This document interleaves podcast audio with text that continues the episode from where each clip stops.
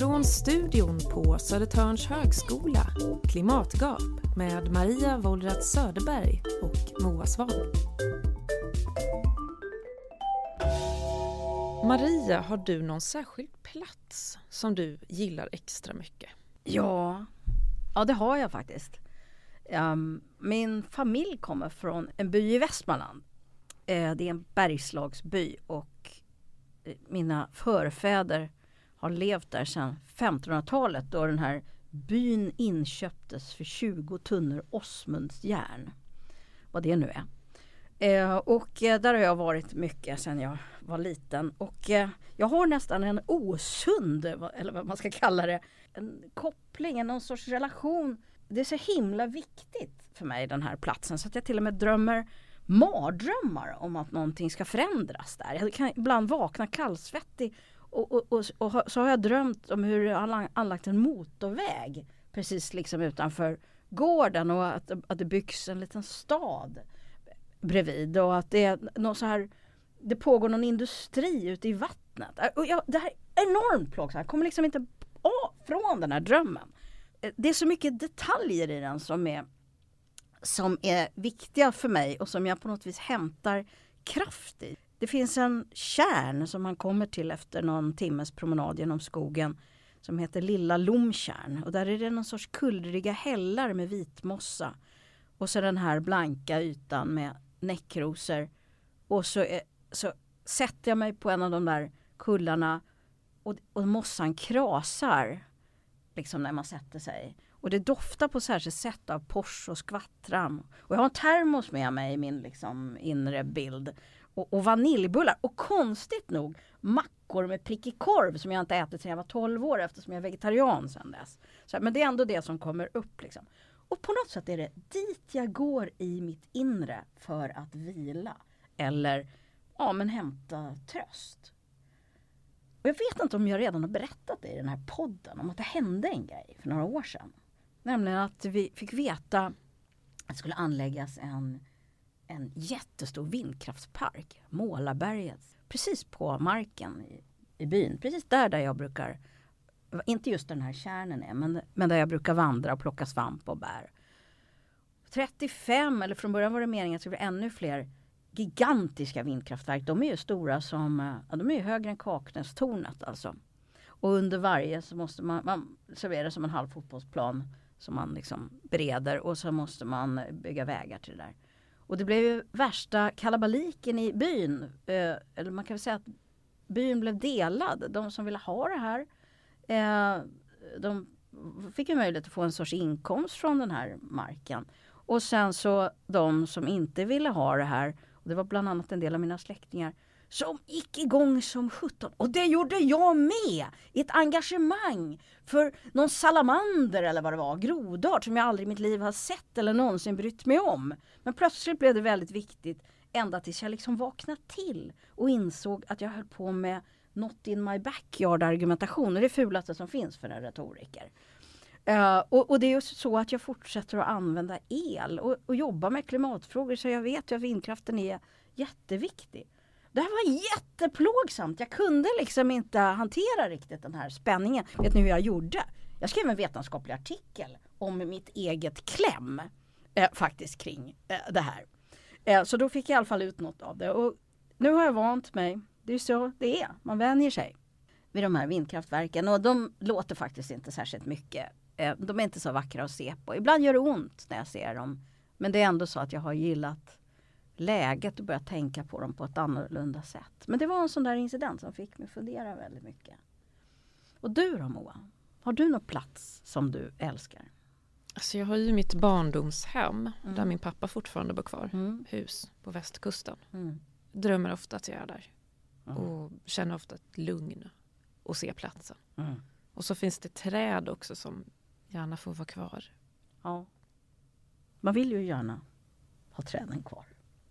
Ja, nej men det är någon särskild tall där som mm. växer på berget som är mm. sådär äh, ni vet tallar de växer där de inte ska växa. Mm. Det finns liksom ingen jord egentligen utan mitt i någon klippskreva så bara De tränger. övervinner den omöjliga ja. situationen. Ja precis. Mm. Mm. Men de är ju såklart också väldigt låga ofta och fina för barn att klättra på. Det är precis som, som jag, jag är väldigt låg och fin. bara. Men hur är du Moa, i, idag ska vi prata om det här med platser. Mm. Och platser som en potentiell drivkraft för omställningen.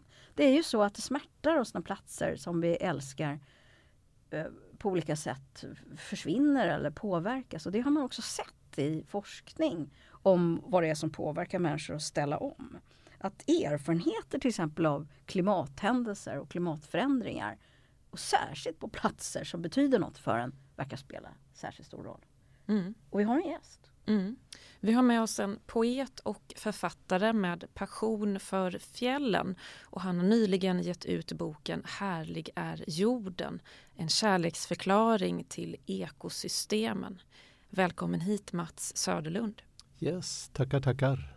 Vad kul att du är här. Jag blev väldigt tagen av din bok. Eh, och jag hittar mycket saker i den som, som jag gärna vill prata med dig om.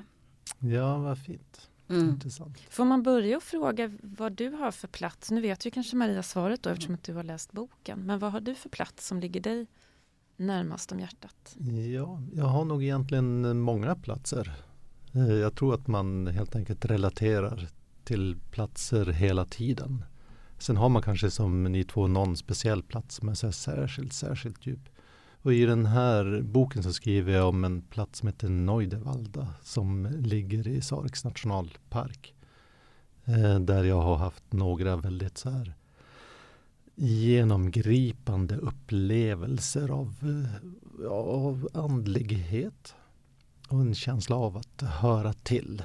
Alltså en mening med livet som går liksom utöver ens egen korta tillvaro på jorden. Du, det är faktiskt en sak som jag skrev upp här. Eh, ska se om jag hittade eh, det.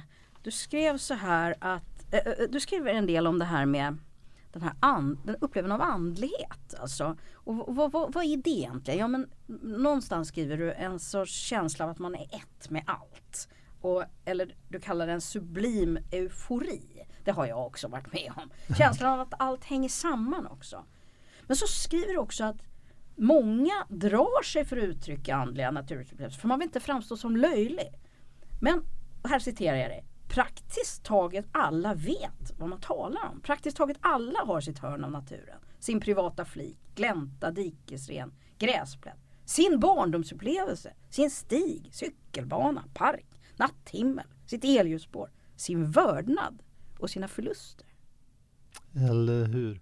Mm. Ja men det, jag tror starkt att det där är en väldigt allmän mänsklig erfarenhet. Mm. Jag tror vi behöver eh, de upplevelserna. Jag tror att vi skapar dem ur något slags existentiellt behov. Mm. Eh, om vi inte har tillgång till dem på något annat sätt mm. så, så blir det blir liksom där vi kan känna att vi hör hemma. Mm. För vi behöver den, det hemmahörandet. Förutom en kille som jag dejtade en gång som sa Naturen, jag har gjort den prylen. Ja, det är något man konsumerar. ja, ja, ja, men eh, visst. Men, det blev inget mellan oss i alla fall. Nej. Mm. nej. Vilken tur. Men kan mm. du inte berätta mer om mm. Sareks nationalpark? Jag eh, ser här på en kort googling att det är nationalparken med sex av Sveriges högsta fjäll och nästan hundra glaciärer. Men det låter ju väldigt liksom siffror ja, men det, det, är ett väldigt dramatiskt högfjällsområde som har varit nationalpark sedan 1908 eh, tror jag det var. Eh, och den är unik för den svenska fjällvärlden på många sätt. Men den är också unik. Alltså, det, är ett, det är ett stort obrutet fjällområde helt enkelt. Det finns inga det finns ju stigar och sådär men det finns liksom inga vandringsleder eller turiststugor. Eller, mm. det, inga, det finns en eller ett par broar i hela det här stora området. Sen hänger den ihop också med Stora Sjöfallets nationalpark och Padjelanta nationalpark. Och på det sättet blir det ett stort stort vildmarksområde. Liksom. Och jag har besökt eh, de här nationalparkerna sedan jag var rätt liten, 11-12 mm. år. Men vad är det då som gör att du har den här relationen? Om vi nu ska utforska vad är det som gör att vi har en relation till naturen eller att en särskild plats kan betyda särskilt mycket för oss. Är det att man har, är det att, att, att det är kopplat till barndomen? Eller är det, är det storslagenheten? Eller vad är det? Ja, men det, är väl, det är väl kanske lite av varje. Sen tror ja. jag att jag tror också att det har att göra med alltså, nästan slumpen. Alltså vad, vad befinner man sig i för tillstånd när man kommer till en viss plats? Mm. Hur är förutsättningarna? Mm. Att det blev den här platsen för mig, det beror väl på att jag var redo på något sätt. Mm. Eh, att uh, ta emot de här, jag menar ta emot platsen, om man kan snacka, om man kan prata på det sättet. Jag ty mm. tycker fortfarande det här är ett mysterium. Jag har ju försökt liksom utforska mm. det här i mm. boken. Men jag har ju inget, jag har inte kommit fram till ett så här kort uh, klatschigt svar. Nej. Utan eh, det är fortfarande ett mysterium ja. och eh, jag tänker att det är ganska skönt att ha de här mysterierna i sitt liv och bara låta dem finnas. Liksom. Och då kan man fråga sig, ska vi ens ha det här samtalet? Ja, nej, jag, jag bestämde mig precis för att tacka nej. ja, för då riskerar vi kanske att eh, ibland när man ordsätter någonting så förlorar det lite sin mystiska kraft. Men men eh, vi, låt oss prova ändå att utforska. Tänker all litteratur och ja. forskning om kärlek har ju inte förstört det än. Så att vi kanske kan... Good point. Ja, jag tror inte det är någon fara. Det, men det där är kanske en känsla man har att, eh, mm. att man ska berövas någonting ja. genuint när man just sätter ord på det. Ja. Särskilt när man skriver ner det. Liksom. Men, men det, här... det, funkar ju inte så. Det Nej. funkar ju tvärtom. Den här platsen som du beskriver låter ju mer som en plats där man liksom inte kan bo. Man kan liksom inte ta platsen. Eh, Maria, du beskrev ju ändå en plats som, som man kan bo på. Mm. Men den här äh, nationalparken, liksom, inga stugor, eh, knappt några vandringsleder. Det låter ju som en ointaglig plats i en värld där man är van vid att människor liksom Fast den tar är, platsen. Jag förstår, det låter så, det kan upplevas så förstås. Men den är ju varken obeboelig eller otaglig, eller man ska säga. Ja. Eh, människor har ju levt och verkat här i tusentals år. Liksom. Mm. Ja, men kan du bo så där? Eh, jag skulle nog kunna om jag var tvungen, liksom, men det är inte någonting, jag, jag vill ju inte liksom bosätta mig på den här Men vänta, det ni nu platsen. pratar om säger någonting mm. jätteintressant. Mm. Det, då, då talar vi om naturen som någonting som man kan ta, alltså eller, eller kontrollera eller någonting. Ja, eller hur? Och är det inte så att det du beskriver också är en storhet som finns i att det är vilt och att det inte är Mm. Så lätt. Eh, sen, sen, vet vi ju att sådana här platser också förstörs naturligtvis av människan. Mm. Um, ja men det finns väl inga skyddade platser nej. egentligen. Och snackar man klimatförändringar så är ja. den ju verkligen inte skyddad ja. den här platsen heller. Men det är intressant att vi direkt kommer in i det där att ta en plats, äga ja. en plats. Vad kan vi göra med den? Ja. Eh, går det att bo där eller liksom, kan, hur mycket fisk finns det? Kan man liksom livnära sig och sådär. Och eh, jag tänker mig att det finns en nivå bortom det. Ja. Där man bara tillåts vara tillsammans med platsen. Men kan det inte vara så att, att när, när man tillåts att bara vara, det vill säga när man inte bor, att man blir mer mottaglig. Jag, jag kan tycka själv att jag kan känna den där magin när jag är i en, i en ny stad full av liv som jag själv inte bor i och som jag själv inte kan bo i. Då kan mina sinnen liksom vakna till liv och ta in platsen på ett helt annat sätt ja. än, än, städer där jag faktiskt bor. Att man tillåts um, ta in tillfälligheten. Så även om liksom det finns hus i en stor stad så är det inte mina hus och jag själv besitter inte möjligheten att ha dem i min vardag. Det här är ju spännande om vi nu ska också granska det sättet att tänka som jag också känner igen. Så är det ju det att eh, man kan ju kritisera turistens blick liksom, på olika sätt. Som att man har en distans mm. och man kan romantisera saker och ting. Eh, men samtidigt inte förstå. De, de som tar, som, som, din intervjuperson Erik här Mats eh, säger, de som tar helikoptern upp till, till, till toppen på fjället, de förstår liksom inte. Eh, och, men å ena sidan så när man är mitt i det kanske man ja, då kan man verkligen känna platsen och känna en vördnad och en koppling och ett arv och allt möjligt till den som är omöjligt om man är där tillfälligtvis. Men samtidigt så blir kanske platsen också en del av ens både vardag och nytta. Alltså eh, det är så himla komplext. Är, ja men exakt, det är ju väldigt komplext. Det är det mm. du säger om städer och hus och sådär jag tror verkligen inte att det här är upplevelser som är knutna enbart till naturen. Utan jag, jag, tänker mig att det är någonting som finns i oss som hur vi är människor.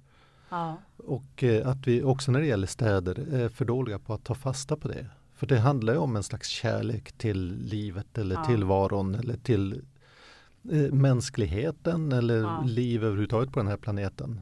Och eh, jag upplever att vi har, vi har en väldigt stark eh, ja, men som ett filter eller någon, någon slags hinder i vår kultur mot att ta de här känslorna på allvar. Mm. Och det är en av orsakerna, eller kanske den starkaste till och med orsaken till att vi har hamnat i den här prekära klimatnödlägessituationen. Du, du, du hänvisar till en essä av Helena Granström. Mm. Eh, där, där hon har ett intressant resonemang om kultur. Att vi formas ju in i den kultur vi lever i och i den är förstås allt i sin ordning. Och vi har ju då eh, eh formats in i att förstörelse är normalt och acceptabelt. För det är så det har varit liksom. Och då, eh, att dominera, exploatera och så vidare, att det är rätt och oundvikligt och normalt. Eh, och det kanske gör, ja, påverkar också hur vi ser de här skeendena. Ja, ja men absolut. Alltså mm. det är kulturen eh, som vi omges av lär oss hur vi får agera, känna, reagera, vad som är rimligt, vad som är orimligt och så vidare. Men är vi ohjälpligt hon... förstörda då? Nej, alltså kulturer går att utveckla och förändra ja. och, och backa på eller kritisera eller sådär. Och jag upplever nog att det är ganska starkt på gång så att vi har börjat på ifrågasätta den här positionen som vi har gett oss som, mm. Eh, som dominerande och liksom skapelsens krona och så vidare. Mm. Jag tänker på en annan grej som jag ser som en, en upplevelse av att läsa den här boken och en upplevelse som också jag känner igen mig i. Det är sinnligheten. Mm. Eh, I all, både alla detaljer och i det stora liksom och hur saker och ting hänger ihop. För mig på min plats som jag berättade om det är ju doften av Linnea. Det är en mikroskopisk liten blomma men jäklar vad den doftar. Men man måste ligga på mage och, och, och lukta liksom. Mm, eh, mm. Eh, eller det är eh, det järnhaltiga myrvattnet och hur det smakar. Mm. Alltså det är väldigt sinnliga mm. upplevelser. Och då tänker jag på det här med staden, att man också kan uppleva det. För, för jag tror, när jag tänker efter när jag hör er prata här, där som du sa Moa, att jag också har haft en sån här liknelse av sublimitet när jag var i Venedig en gång. Ja, Vad menar du med ja. sublimitet? Att, ja, kan bra. Att, väldigt bra. Men att det nästan lite känsla av andlighet. Att, att, eh, att man befinner sig i ett tillstånd av det, den högsta formen av upplevelse på något sätt. Där allting är fyllt av mening. Lite så jag vet inte riktigt hur jag ska förklara det. Nej, men eller hur, det här är ju, vi kommer att komma tillbaka ja. till det antagligen. Alltså, den, här, den här sublimiteten ja. eller den här upplevelsen av eh, att höra ihop eller, ja. och andlighet. Och jag undrar vad det är som gör att det är så himla svårt att prata om det. Alltså, det är som att vi saknar språk eller som att språket står i någon slags motsättning till de upplevelserna. Det kommer tillbaka om och om igen. Jag känner till mig själv fast jag nu liksom verkligen har jobbat med ja. det problemet. Att jag, jag tvekar också när jag säger, när jag använder de orden. Ja. Och jag, jag fattar inte riktigt varför. Men kan det vara så att genom att du också har skrivit en bok utforskar och sätter ord på någonting då som behövs sätta ord på? För att annars kan man ju undra varför ska man skriva en bok och sätta ord på något som redan är gjort så att säga? Ja men precis, så min förhoppning det är på något sätt och det är min upplevelse också efter att ha pratat med alla de här människorna som jag träffar i fjällkedjan. Liksom att det känns som att, nej men okej, jag är ju inte ensam om det här. Och vi behöver kanske inte mm. formulera vi behöver kanske bara se varandra i ögonen mm. och, och liksom bekräfta att ja, men jag har också varit där. Men finns det någon slags vi i detta? Går det att ena människor kring kring den här upplevelsen och det här, vad man kan kalla det andliga. Kan, kan liksom du och de här helikopterterroristerna, höll jag på att säga. Terrorister. Jag menar turister kan man liksom kan man hamna på samma sida? Skulle det vara okej? Okay? Men jag, jag känner att jag är på samma sida. Men jag beklagar att de har valt det här transportsättet. Jag har själv åkt helikopter i fjällvärlden liksom. Och ja men nu efteråt kan jag känna så här, oj varför gjorde jag det? Men jag har förstås alltid kunnat motivera det för min skull. Mm. För, för Vad är det som är problematiskt då med att åka helikopter om man bara reder ut det lite kort? Ja, det är en enorm eh, bullerförorening det är det första jag kommer att tänka på. Det är det också man snackar om när man eh, diskuterar hur mycket helikopter ska man få flyga i våra nationalparker egentligen. Det är bullret, inte så mycket utsläppen. Som påverkar renar och växtlighet och djur? Nej, ja, jag, och också naturupplevelsen. Mm. Det finns i våra mm. liksom, naturskötselplaner mm. av de här parkerna. Liksom, mm. Att uh, det ska vara en genuin fjällupplevelse och då ingår tystnad. Mm. Liksom.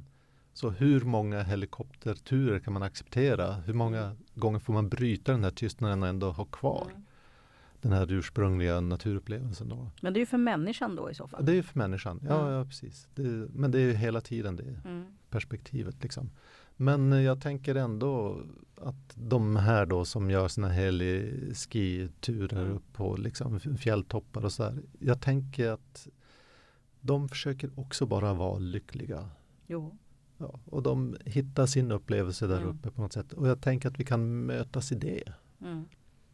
Och sen är det de tuffa besluten, det är att se liksom att nej men vi kan inte vara lyckliga på det här sättet. Mm. Därför att vi skadar varandra och vi mm. skadar mm. livet. Och... Kommer vi tillbaka till det så finns det ju också en fossilanvändning som är ganska oproportionerlig kan man väl tänka. Väldigt då. oproportionerlig, mm. ja men exakt. Så mm. det...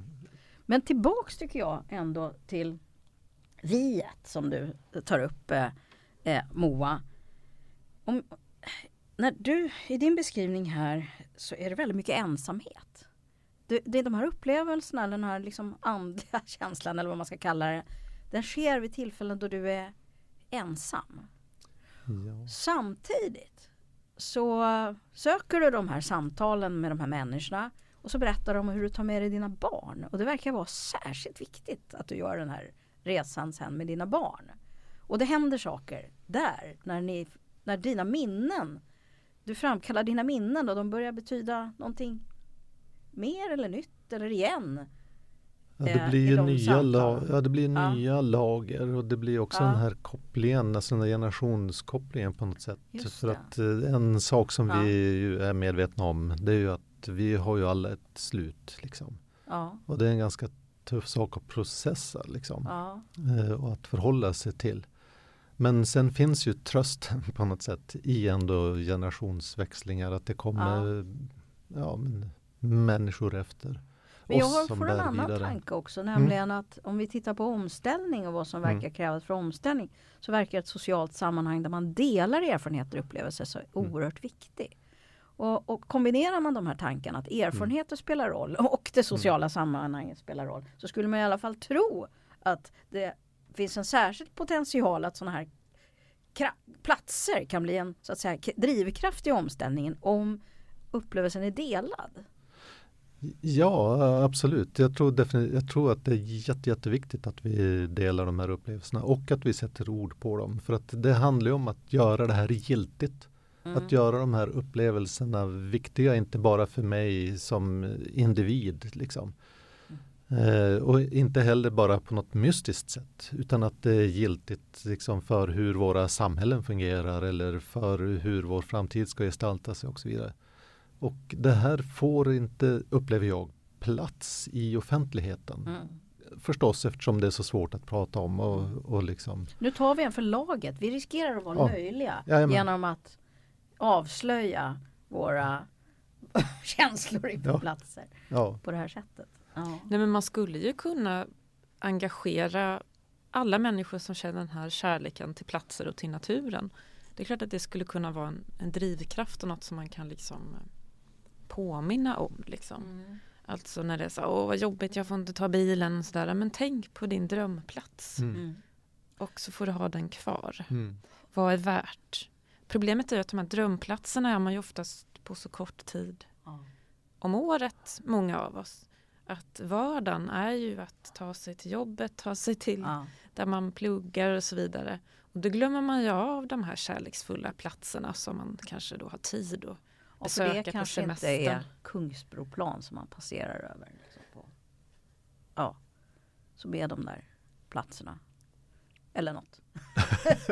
Men det är ju fruktansvärt ja. tycker jag att möta, alltså när, när två världar möts mm. för varandra. Så när jag är ute med min segelbåt på somrarna så mm. möter man de här fraktskeppen. Mm. Och, och, i Stockholm så finns det en, en, argumentation för att om man använder liksom vattnet mer som fraktleder, alltså att om man kan mm. ta in mer frakt via Södertälje kanal genom Mälaren, ja då kan man avlasta vägtrafiken. Mm. Det vill säga det är bra för miljön.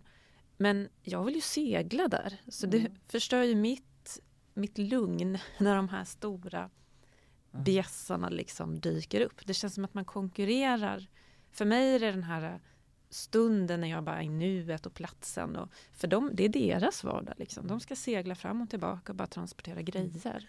Det här som du säger Moa, det pekar också på något som är väldigt närvarande nu tycker jag i debatterna kring omställning.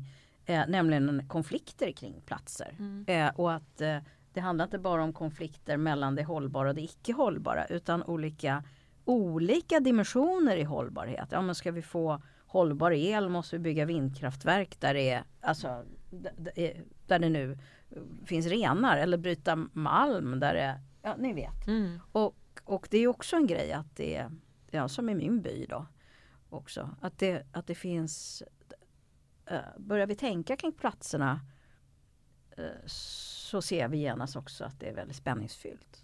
Ja, men vi har ju mm. drivit vår civilisation så långt in i den mm. här återvändsgränden på något sätt. Mm. Och vi står ju nästan mot väggen. Liksom de, mm. de, de, platser som finns kvar som är någorlunda orörda eller någorlunda ursprungliga eller där vi kan ha någon mm. sån här sublim upplevelse. Mm. De är ju väldigt få och väldigt begränsade. Och någonstans behöver vi ju också som samhälle förstå liksom att, att tar vi de här i anspråk, alltså de här sista resterna också i anspråk för att höja vår levnadsstandard mm. eller för att bevara vår levnadsstandard. Då är vi rökta liksom. Mm. För då, då utplånar vi på något sätt det sista av andlighet som mm. vi besitter. Och våra förutsättningar för drägliga liv också. Ja, dess, ja. dessutom. Liksom.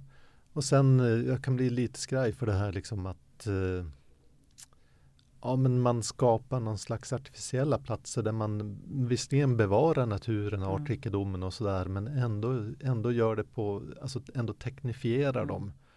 Alltså att det blir, det blir någon slags eh, antingen prestation eller någon slags eh, bildningsresa eller att man betalar för att komma in i ett visst tillstånd och få uppleva hur det var förr i tiden. Ja. Eller, eller någonting. Alltså att vi fortsätter att koppla bort oss ifrån det en genuina. En extremform av det pratade vi faktiskt mm. om i vårt avsnitt om mål. Mm. Nämligen när man eh, så att säga prissätter förstörelse i, i olika samhällsutvecklingsprojekt. Så att om man förstör på ett sätt, något kanske ursprungligt, då kan man kompensera det på ett annat sätt genom att mm. bygga upp någon sån här eh, men ibland blir det då istället lekparker istället för eh, för urskog. Alltså, mm. eh, och, och, och, det går inte att ersätta det ena riktigt.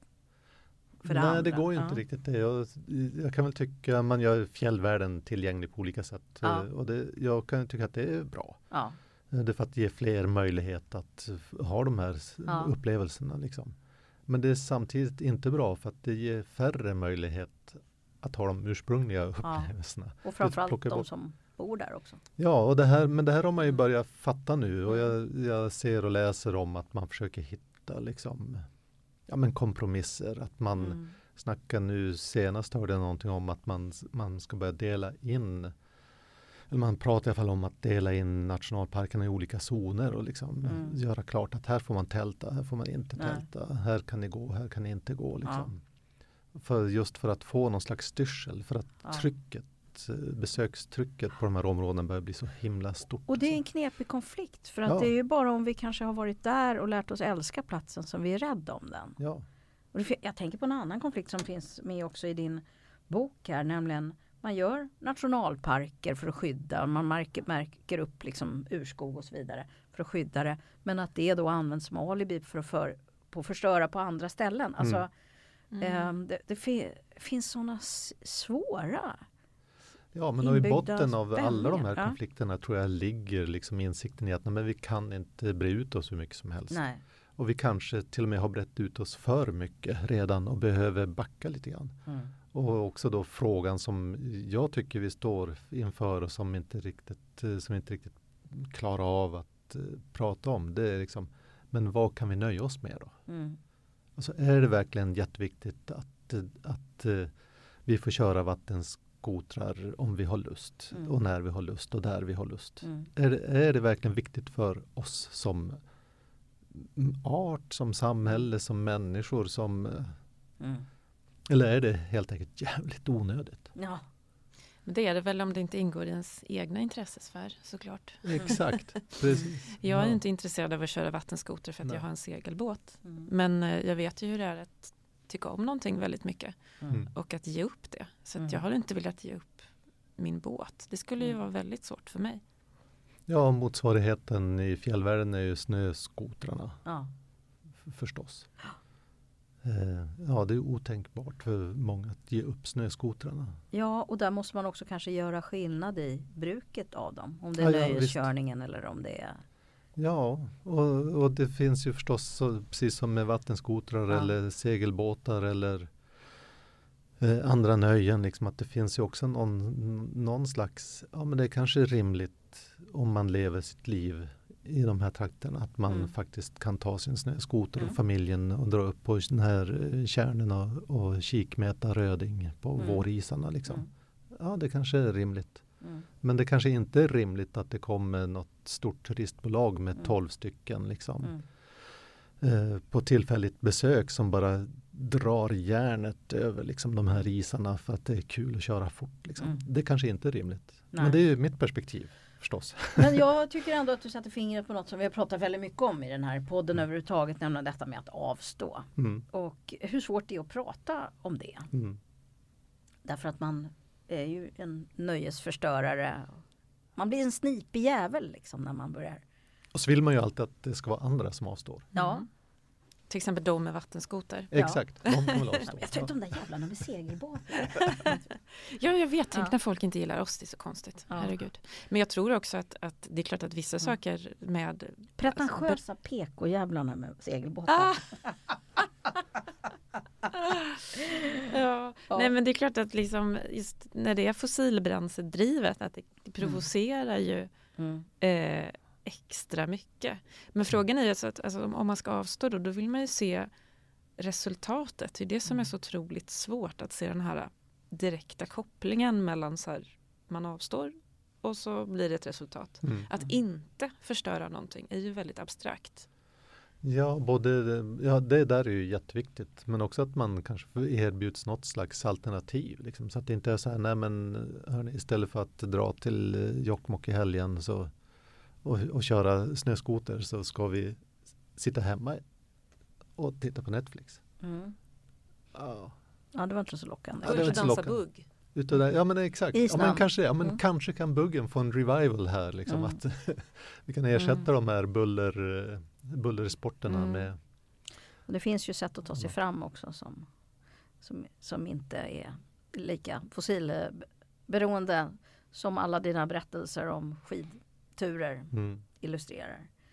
Eh, men jag tänker på, jag vill komma tillbaks till det här med viet. Den ensamma upplevaren och viet. Koppla det till tid. För ett av problemen som vi har med att förstå klimatkrisen riktigt vad den betyder för oss är ju att vi inte ser den. Därför att den är, förändringarna är långsamma. Mm. Och det blir ju först när man har någon möjlighet att jämföra någon, ting. Det kan vara jämföra med sin egen upplevelse som du gör när du skidar på samma ställe där du var 20-30 år tidigare. Men det kan också vara när du träffar de människorna som har bott där och de tillsammans berättar om hur det var förr. Alltså berättelserna. Och, och, och något som du också noterar vid flera tillfällen är att det är väldigt mycket osäkerhet. Man är inte säker på riktigt vad man minns. För när man upplevde det så visste man inte vad det att det var betydelsefullt var den där trädgränsen gick. Eller när isen på en viss eh, älv frös. Va? Nej, nej, precis. Ja. Men tillsammans så bildar ändå den här det bildas en, bildas en berättelse som stämmer allt för väl med vad vetenskapen säger om hur utvecklingen ser ut ja. med höjda temperaturer. Ja men de säger mm. de jag träffar som berättar då om hur snöförhållandena har förändrats mm. eller hur osäkra isarna har blivit mm. eller hur eh, rödingstammen har kraschat. Mm. Liksom. De har ju upplevt alltså, vad de här siffrorna säger. Alltså, ja. de, upp, de har upplevt siffrorna. De har de här stapeldiagrammen och, och kurvorna liksom i mm. sina kroppar. Och det är nästan skrämmande hur väl det de berättar stämmer mm. överens med, med forskningen. Och för min mm. egen del så också ur den här ensamheten. Liksom, att, mm. Att jag har kunnat känna att, eh, ja, som när jag gick med mina ungar och vi, mm. vi närmade oss trädgränsen och jag går där och muttrar lite grann för mig själv att ja men så här, så här mycket skog var det mm. inte här när jag var ung. Liksom. Mm. Eller, och och jag, jag liksom tvekar verkligen på på stämmer minne? det här? Ja. ja. stämmer verkligen det här? Eller har jag, har jag, liksom förändrat, har jag liksom gjort om mm. det på något sätt? Men eh, när jag kommer hem så kan jag kolla upp forskningen då och då stämmer det på pricken. Liksom. Men varför är det så svårt att tro då? Ja, men det, är för att jag tror, det är för att hela vår kultur säger åt oss att det här är okej. Okay. Det finns inget att oroa sig ja. för. Det finns ingenting att sörja, det finns inget att liksom beklaga. Ja. eh, och det är ju Alltså det är väldigt svårt att ta sig ur den kontexten eller den ja. mattan av liksom budskap om att allt är okej. Okay. Men är det inte också så att vi tröstar oss själv på det viset? Därför mm. att om det är så att det inte är okej och att det faktiskt finns all anledning att sörja så står vi inför en förbaskat plågsam uppgift. Ja. Jag känner själv ibland att jag fylls av en enorm frustration när jag ser till exempel hur lite eh, av det som ja, IPCC-rapporterna säger att vi måste göra som mm. faktiskt verkligen eh, händer. Och att ibland så bubblar upp ett sorts raseri nästan i mig som jag inte ens får säga ja till som forskare. För jag ska alltid hålla distansen.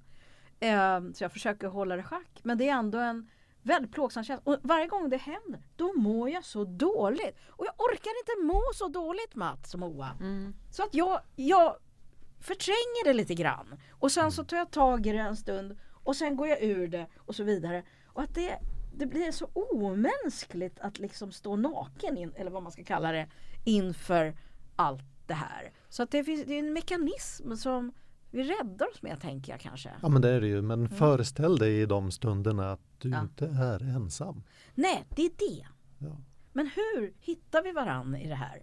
Ja, det vet jag tusan. Alltså jag, ja. vet, jag vet faktiskt inte. Jag tänker det enda sättet är att vi blir många som bara pratar om det. Att, ja. vi, bara våg, att vi bara vågar e, erkänna att vi är så här löjliga. Att nej, jag vill, ja. jag vill stoppa den här gruvan på Österlen. Liksom, för att Eh, jag älskar den här platsen för mycket. Aha. Och jag skiter i vad det gör för miljön eller, eller mot miljön eller om det är bra eller dåligt eller för att jag älskar den här platsen. Och liksom... Fast så hamnar man ju sådär not in my backyard argumentation och så enda, en andra änden fortsätter man med sin fossilanvändning och förväntar sig att någon annan ska acceptera gruva hos dem istället. Alltså... Ja men jag snackar inte om att faktiskt ja. stoppa gruvan. Jag Nej. snackar om att vi, att erkänna de här känslorna. Ja, alltså att låta dem finnas. Ja, att samtidigt. låta dem bli styrande för mm. hur vi väljer och hur vi agerar. Ja. För, alltså jag är ju ingen gruvingenjör. Det kanske går mm. att lägga den där gruvan där utan mm. att liksom hela landskapet förstörs, mm. förstörs. Jag vet inte. Men om vi kan tillsammans ändå liksom lyfta hur viktiga de här platserna mm. är för oss mm. så kanske det går att utveckla det på ett annat sätt. Mm. Du snackar om de här vindkraftsparkerna. Mm. Eh, jag tänker så här, vi behöver anlägga så mycket vindkraft vi bara kan. Mm. Men vi behöver också skydda de här sista resterna av fjällnära mm. urskog. Liksom vi, vi, De här två, de går inte ihop och då behöver vi lösa det. Mm. Om vi tar den känslan på riktigt, om båda de känslorna mm. verkligen får vara styrande för ja. hur vi agerar. Ja. Då måste vi anstränga oss lite mer. Är det inte så att vi ofta tror att om vi tänkte tillräckligt noga och gjorde det hela och var riktigt rationella då skulle vi kunna hitta lösningar som tar bort målkonflikterna. Ja, eh. eller också så kommer vi fram till att nej, men vi, vi får kanske inte köra så himla mycket elbil i framtiden. Nej, och, eh, precis, och det är väl kanske det du, det du säger pekar i and, åt ett annat håll. Nämligen att vi istället erkänner konflikterna ja. och låter dem eh, påverka oss. Mm. Topofili kallas det. Kärleken till platser. Är, är det tillräckligt starkt för att få oss att eh, verkligen kanske avstå saker och ting och, och, och ta oss i kragen och liksom ställa om. Vi vet att det finns en hel del studier som pekar mot att en en miljöälskande attityd. En attityd som är eh, som, där man har starka känslor i förhållande till platser. Eh, hänger, eh, är, har, korrelerar, alltså har ett samband med benägenheten att, att till klimatvänliga val. Det finns det studier som visar. Är det liksom tillräckligt starkt och kan, det, kan vi öka det? Jag tror vi kan organisera det. Ja, det skulle vara bra. Ja, men den där topofilin är ju, den är ju tillräckligt stark i varje enskilt fall. Eh, alltså när Alltså när vi stoppar gruvor och skogsavverkningar eller byggen eller liksom alm, eh, almstrid och mm. annat så är det ju utifrån platsen och kärleken till liksom ett, ja, men ett sammanhang, ett större, djupare sammanhang kanske. Mm. Eh, men det är ju också så här att när vi sitter utspridda över det här jättestora landet och mm. ser skogsmaskinerna skövla vår bakgård mm. så tänker vi att ja, ja, det är ju ändå bara min bakgård. Mm. Och varför ska jag stå i vägen för, mm. den här, för det här kalhygget? Och problemet är ju att det är inte bara det kalhygget. Mm. Utan det, det, här är liksom ett kalhygge som breder ut sig över liksom 96 procent av mm. skogsytan. Eh, och därför så tror jag vi behöver just, vi behöver gå in på ICA och vråla liksom att de ska fan hugga min bakgård nu. Jag står mm. inte ut liksom. Mm. För då kommer alla där inne vända sig om och säga men de ska hugga min bakgård också. Ja. Och min bakgård och min bakgård. Ja. ja men det här kan vi inte tolerera. men eh, mm. det då säger vi hej till känslorna kan man säga. Sorg verkar också, det är också någonting som, verkar, som finns en del i de studier som har gjorts som verkar betydelsefullt. Att man säger att man har möjlighet att dela sorgen för det som håller på att gå förlorat. Det verkar vara en väldigt viktig dimension i, i, i processen. Eh, och det slår mig plötsligt att, eh, att jag kommer att tänka på några jag kommer att tänka på några exempel men nu kan jag inte komma ihåg var har jag hört om detta. Så där får man ta med en nypa salt. Det ena var hur man i någon sorts eh, eh processer kring regional utveckling i vissa sammanhang har börjat ta med personerna som ska fatta beslutet till platsen där det här ingreppet ska ske. Och att det verkar som att det påverkar besluten. Och en, och en annan grej är att man när man har hjälp, försökt när man skapar sådana här grupper där man eh, ska försöka eh, eh, hjälpa hushåll och organisationer till, till eh, eh att få fart på sin egen omställning.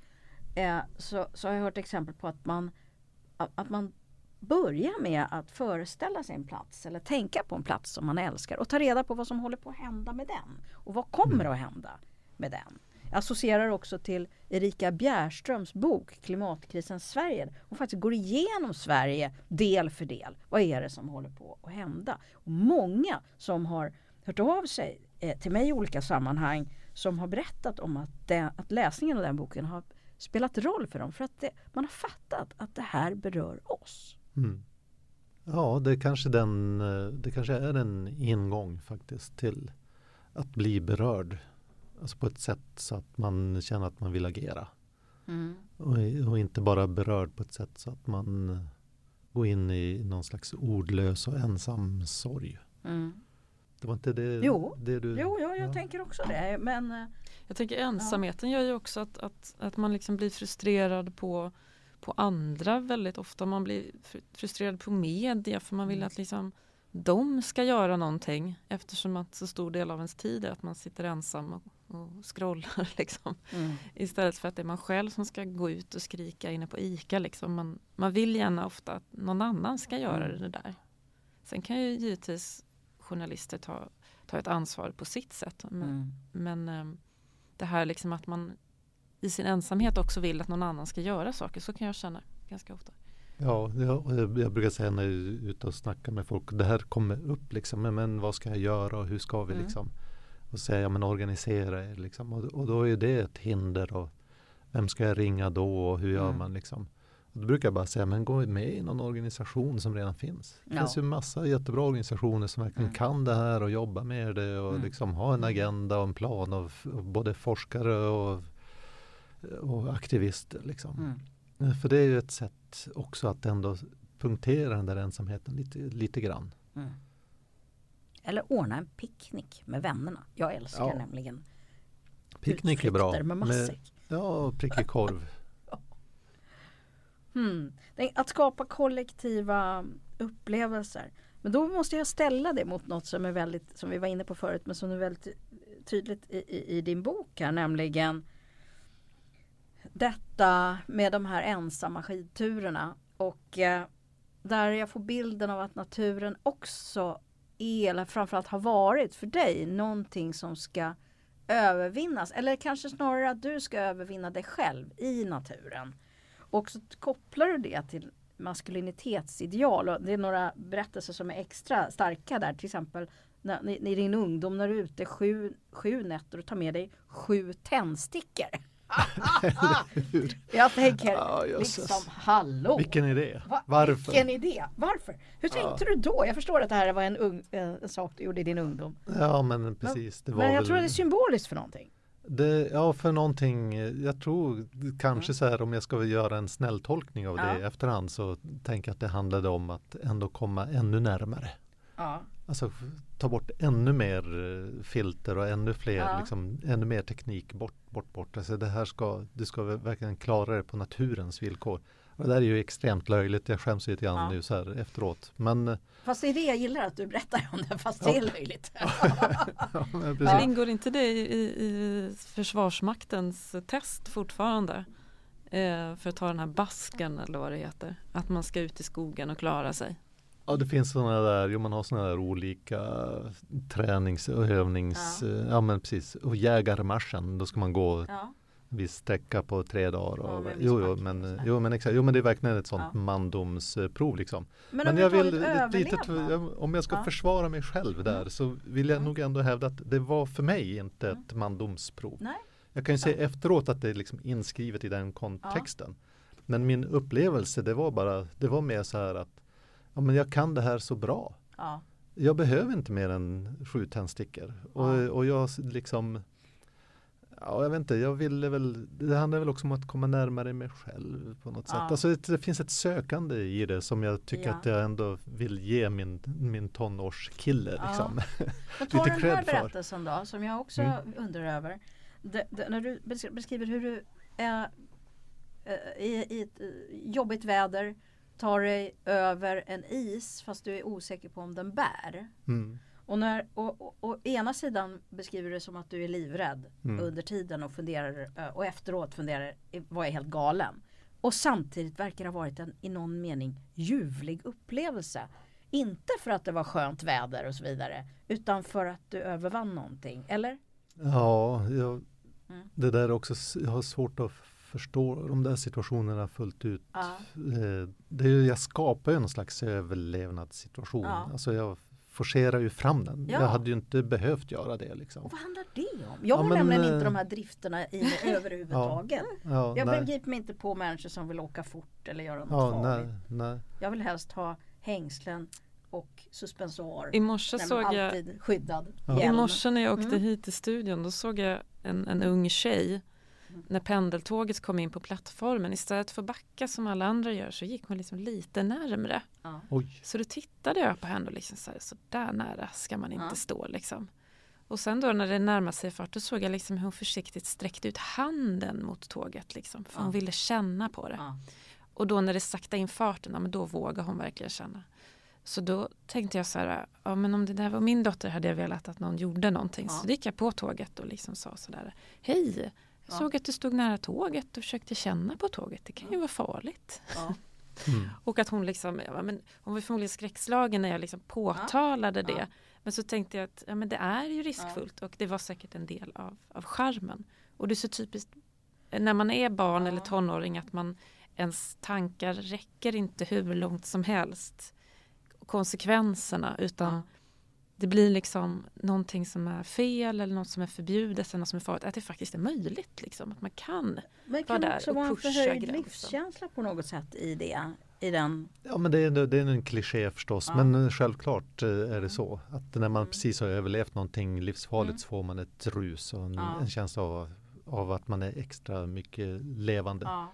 men också en slags flykt liksom. För det var ju ett sätt att eh, tvinga fram eh, eller ett sätt kanske att dölja annan ja. ångest. Alltså att eh, komma bort ifrån den här känslan av att jag är helt ensam, övergiven, ja. utkastad. Ingen vet att jag är här, ingen kommer att sakna ja. mig. I, alltså den där tonårsångesten. Gud, den känslan. Det, jag känner igen den plötsligt på en helt annan typ av platser.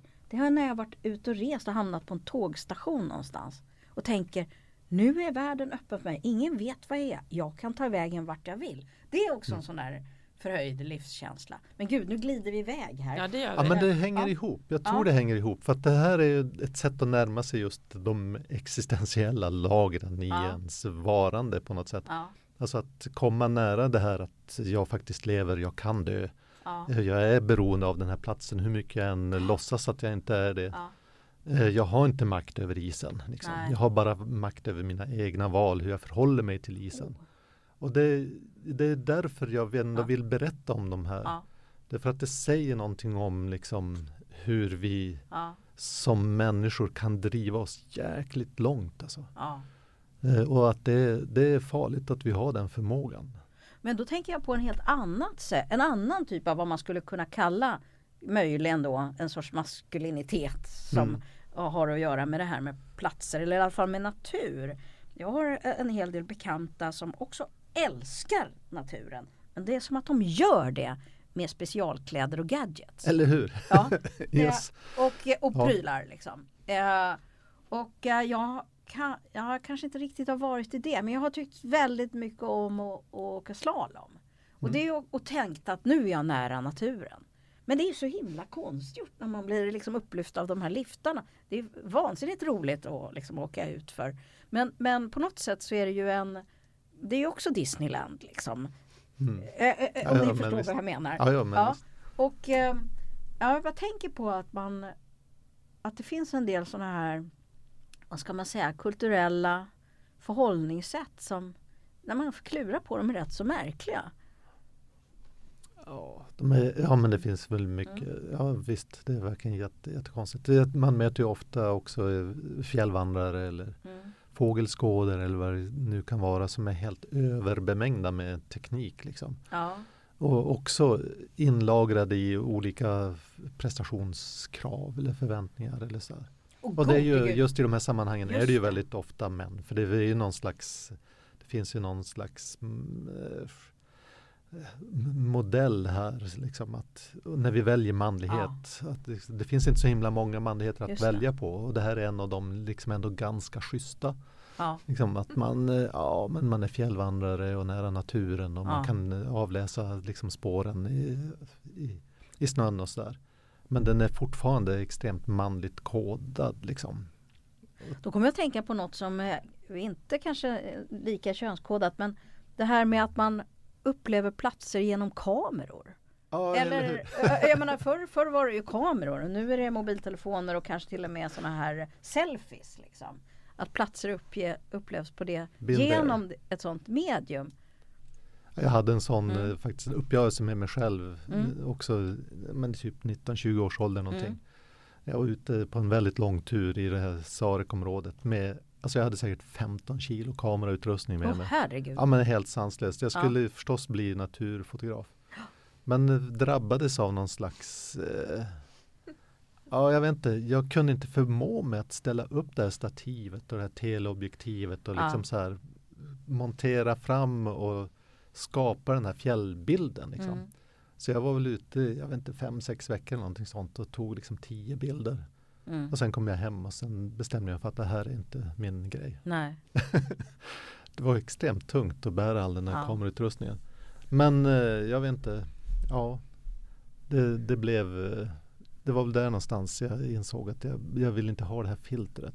Men alla de här exemplen, ja. eh, där är vi besökare ja. i naturen. Ja. Men nu, och vi har varit inne lite grann på att man också kan vara en del av en plats. Eller så att man, man har en lång historia på. Ja, mitt exempel är lite så även om jag inte bor mer än delar av tiden nu i den här lilla Bergslagsbyn. Men, Men eh, där man också känner ett, en hemkänsla som har en lång historia. Som är förknippad med en massa ja, naturligtvis minnen och berättelser som också talar om för en vem man är. Mm. Och ett en sånt förhållande till platsen kan ju också vara framåtriktat. Man funderar över kommande generationer som också ska ta över den platsen. Och då är det ju ett sorts, eh, vad ska man säga, det, det är för smalt, det är för reducerande att kalla det ett ägarskap av en plats. Även om mm. sådana saker kan finnas med. Men en känsla av att, att det här är mitt. Det, behöv, eh, det här är mitt att förvalta kanske. Um, Eller det här är jag. Det här är jag, just ja. det. Eller det här är vi. Ja, just det. Uh, ja. ja, men det där är nog det där är viktigt. Jag tror egentligen inte man behöver faktiskt bo på en plats för att Nej. ha den upplevelsen. Men uh, vi har väldigt mycket att lära oss av människor som gör det. Ja. Uh, och hur de förhåller sig och hur de betraktar en plats. Eller upplever en plats kanske ja. snarare. Eh, och det finns ju några sådana röster i min bok också. Eh, hade bland annat en, en, en kille som jag hörde på radion, nu kommer jag inte ihåg vad han hette, men han säger apropå eh, det är väl Kallakgruvan tror jag. Eller om det är Pajala. Ah, nej, jag kommer inte ihåg riktigt. Men eh, han säger ungefär så här. Liksom att Eh, han får frågan vad berget betyder för honom. Mm. Och han svarar ungefär att ja, det går nog inte att förklara för en som inte förstår. Mm. Eh, och det tycker jag, det rymmer ju liksom en utmaning för oss. Ja. Att eh, faktiskt försöka förstå. Men apropå det så är det någonting som är lite roligt i, i, i din bok. Eh, det är ju språket. Därför att mm. Eh, när, vi läser, när man läser de här intervjuerna och även, du funderar också över en del, en del ord. Om hur orden ändå, vad ska man säga, bär med sig eller har i sig förborgat, vad heter det, förborgat, en, är en, en mening och en upplevelse och en historia. Och ett förhållningssätt. Mm. Alltså ett sätt där vi, vi upplever mycket av världen genom språket. Mm. När vi sätter ord på olika ja, men platser, företeelser, verb och så vidare. Mm. Och det kan också hindra oss ibland att nå vissa relationer. Mm. Um, så ja men absolut, det får man vara vaken på. Nu har vi mest pratat om naturen och olika platser som ifrån, i någon sorts relation till oss som människor och till det existentiella. Uh, och även om man inte ta, tänker på det som en resurs så ändå så är det svårt att prata om det annat än i relation till en själv. Och det är också, du tar upp uh, i din bok tar upp Martin Bobers jag och du uh, förhållande. Så menar mm. man så att säga tillerkänner en annan människa att, man, att den personen är ett subjekt, ett eget jag. Och att man kan tänka sig en liknande relation till naturen. Ehm, och men det är fortfarande relationellt. Men man kan ju tänka också att naturen har ett värde i sig själv. Helt utan oss. Och på sätt och vis kan man ju då tänka sig att det bästa vore väl om vi hade ihjäl oss själva då. Eh, så att naturen slapp människan. Men det, det känns inte som en särskilt eh, upplyftande eller meningsfull tanke kanske. Men man kan ändå, men, men, man kan ändå fundera vidare om är det meningslöst att, att tänka i de termerna. Och varför jag ställer den frågan är för att det verkar vara så svårt för oss att uppleva någonting som är meningsfullt om det inte är det i relation till oss. Så det ja. kanske, även om det vore ett värde att vi kunde tillerkänna naturen en värde i sig själv så kanske det är en omöjlig väg för att vi människor klarar inte av det. Ja, det är som att vara förälder, man ska tillerkänna sitt barn ett eget värde. Precis. Och det är liksom de som får styra, mm. inte en själv. Utan mm. man ska hänga med på deras äventyr och deras ja. intresse. Det är, inte, det är inte det lättaste för alla föräldrar att man får lägga bort jaget. Ja. Helst vill man att det ska mm. gå ihop. Att barnen ska gilla samma saker som en själv. Jo. Mm. Ja, ja, nej men visst absolut. Och det, jag blir jätteglad att du ställer exakt den frågan. Liksom. Ja. För att eh, det råkar ju vara så att jag parallellt med den här boken skrev en diktsamling. Ja. Eh, som heter, den heter Eskatos. Tystnaden tillhör inte oss. Och eskatos det är ju det grekiska ordet för slutet. Och eskatologi handlar om liksom eh, världens undergång ungefär läran om världens undergång. Och det finns ju liksom i typ alla världsreligioner och kulturer och så. Men det jag gör i den boken är att jag går in i just den där känslan, liksom, eller i den frågeställningen. Vad är någonting värt när mm. vi inte längre finns kvar? Mm. Och slutraden, där jag hämtat titeln, är också, den är så här att vi är askan efter Eskatos. Mm. Tystnaden tillhör inte oss. Mm. Och det kan ju låta väldigt deprimerande förstås. Mm. Men jag hittar faktiskt tröst i det. Mm. Precis mm. som med eh, barnen. Mm. Att eh, någonstans är de, mina barn, viktigare än mig. Mm. Och att, eh, till det känner de det värdet. Mm. Och det är kanske en långdragen parallell men ändå att tillerkänna naturen det värdet. Och det får mig att associera till någonting som faktiskt har hänt idag.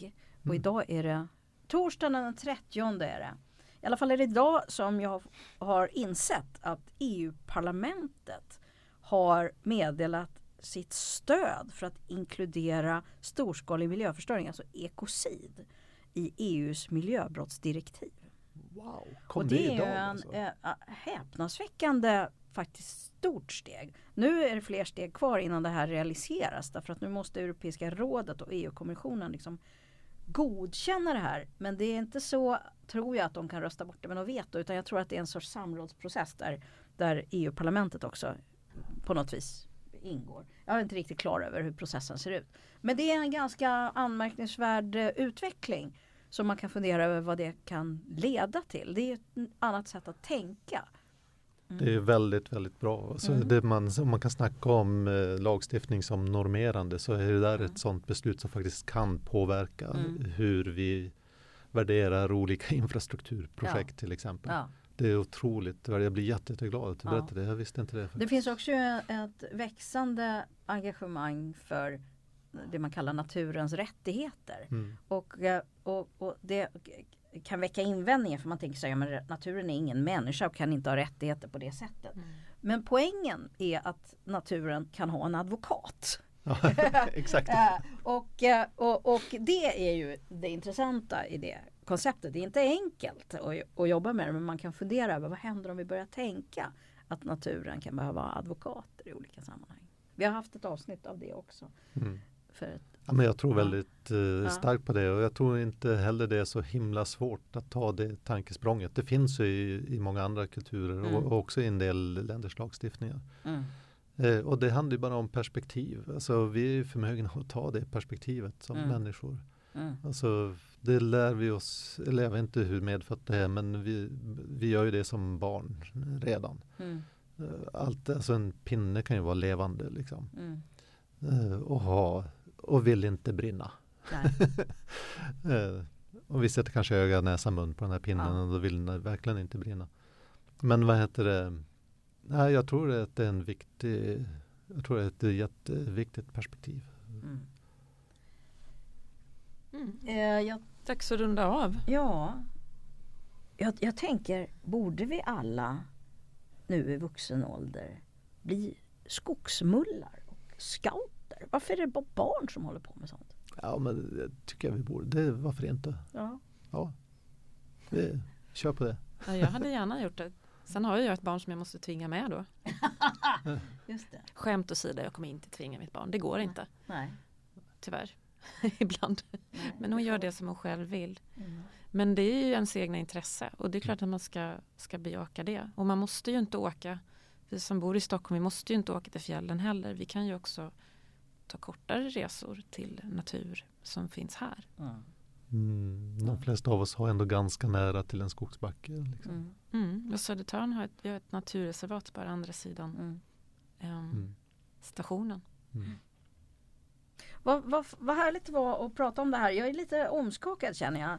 jag. Det var inte bara skönt. Det var ganska jobbigt tyckte jag känslomässigt att prata om det här också. Mm. Um, så. Uh, om, men man brukar må bra efteråt. Ja, och om mm. det är någon som lyssnar som är nyfiken på din bok Mats så heter den Härlig är jorden om fjällen, vädret och allt det som ännu inte gått förlorat av Mats Söderlund. Tack för att du var med. Och vi längtar väl efter att eh, fler böcker som handlar om naturen på det här sättet och om olika platser. Det finns ju en hel del faktiskt att läsa redan. Det finns det definitivt. Ja, när du kom hit så nämnde du Kerstin Ekman. Ja, Löpa varje, ja. en fantastisk berättelse som går på djupet just med den upplevelsen ja. också. Just det. Tack hörni. Mm, tack. Tack så mycket. Du har hört Klimatgap från Södertörns högskola. I studion Maria Wollratz Söderberg och Moa Svan. Tekniker Florence Agostini.